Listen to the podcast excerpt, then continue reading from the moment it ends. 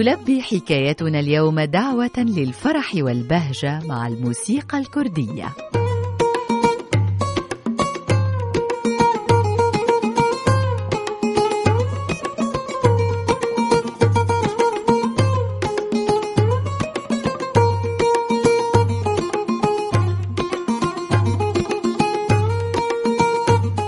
أجمل الحكايات هي التي تروي عشق الوالدين للأبناء، وأجمل المقطوعات هي التي تستلهم إحساسها من تلك المشاعر الفياضة، فتكون صادقة عميقة نافذة إلى الوجدان دون استئذان.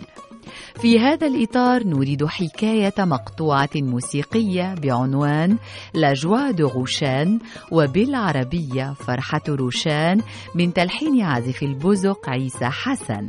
وارتبطت ولادتها بموقف طريف حصل له مع ابنته التي لم تكن تجاوزت أشهرها الأولى من العمر. عندما بدأ عيسى حسن في تلحين المقطوعة لم يكن قد اختار لها وجهة أو عنوانا لكن ردة فعل ابنته تجاه موسيقاه حددت العنوان وخلدت إلى الأبد فخره وسعادته أمام أجمل وأول جمهور له ألا وهي طفلته روشان. أردنا معرفة المزيد عن مقطوعة لاجوا روشان فاستضفنا لكم فيما يلي ملحنها الموسيقي الكردي اللبناني عيسى حسن.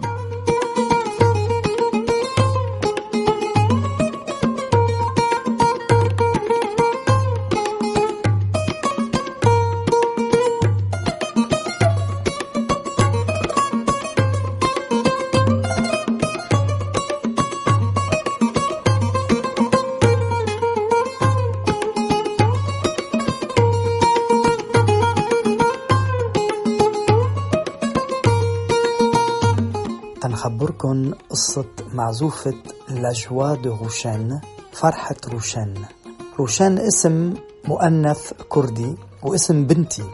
هون القصة إنه لما بلشت لحن هالمقطوعة بنتي كان عمرها آه خمس ست اشهر كانت يعني شيء إنه تقدر تقعد. فكل ما أشتغل على هالمعزوفة هيك أعزفها تفرح كتير وتهز هيك ترقص شوي هي هي وقاعدة. تعرفوا الأطفال الصغار لما بيهزوا هيك بيرقصوا. فأنا قلت يمكن لأنه عم بعزف فغيرت اللحن عزفت غير لحن غير معزوفة ما اهتمت أبدا ما تحركت. لما رجعت على هالمعزوفة ورجعت عزفتها شفتها رجعت فرحت ورجعت رقصت ورجعت صفقت بايديها وكذا. فتعجبت أنا كمان إنه في كتير انسجام معها وحبت هي هالمعزوفة وعم تفرحها يعني. ف كان يعني شيء طبيعي إنه سميها فرحة روشن La joie de Roushen.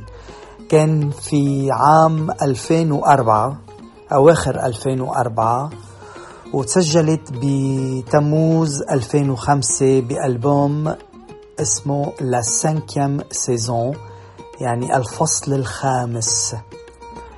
وهيدي هي قصة معزوفة مقطوعة La joie de Roushen فرحة روشان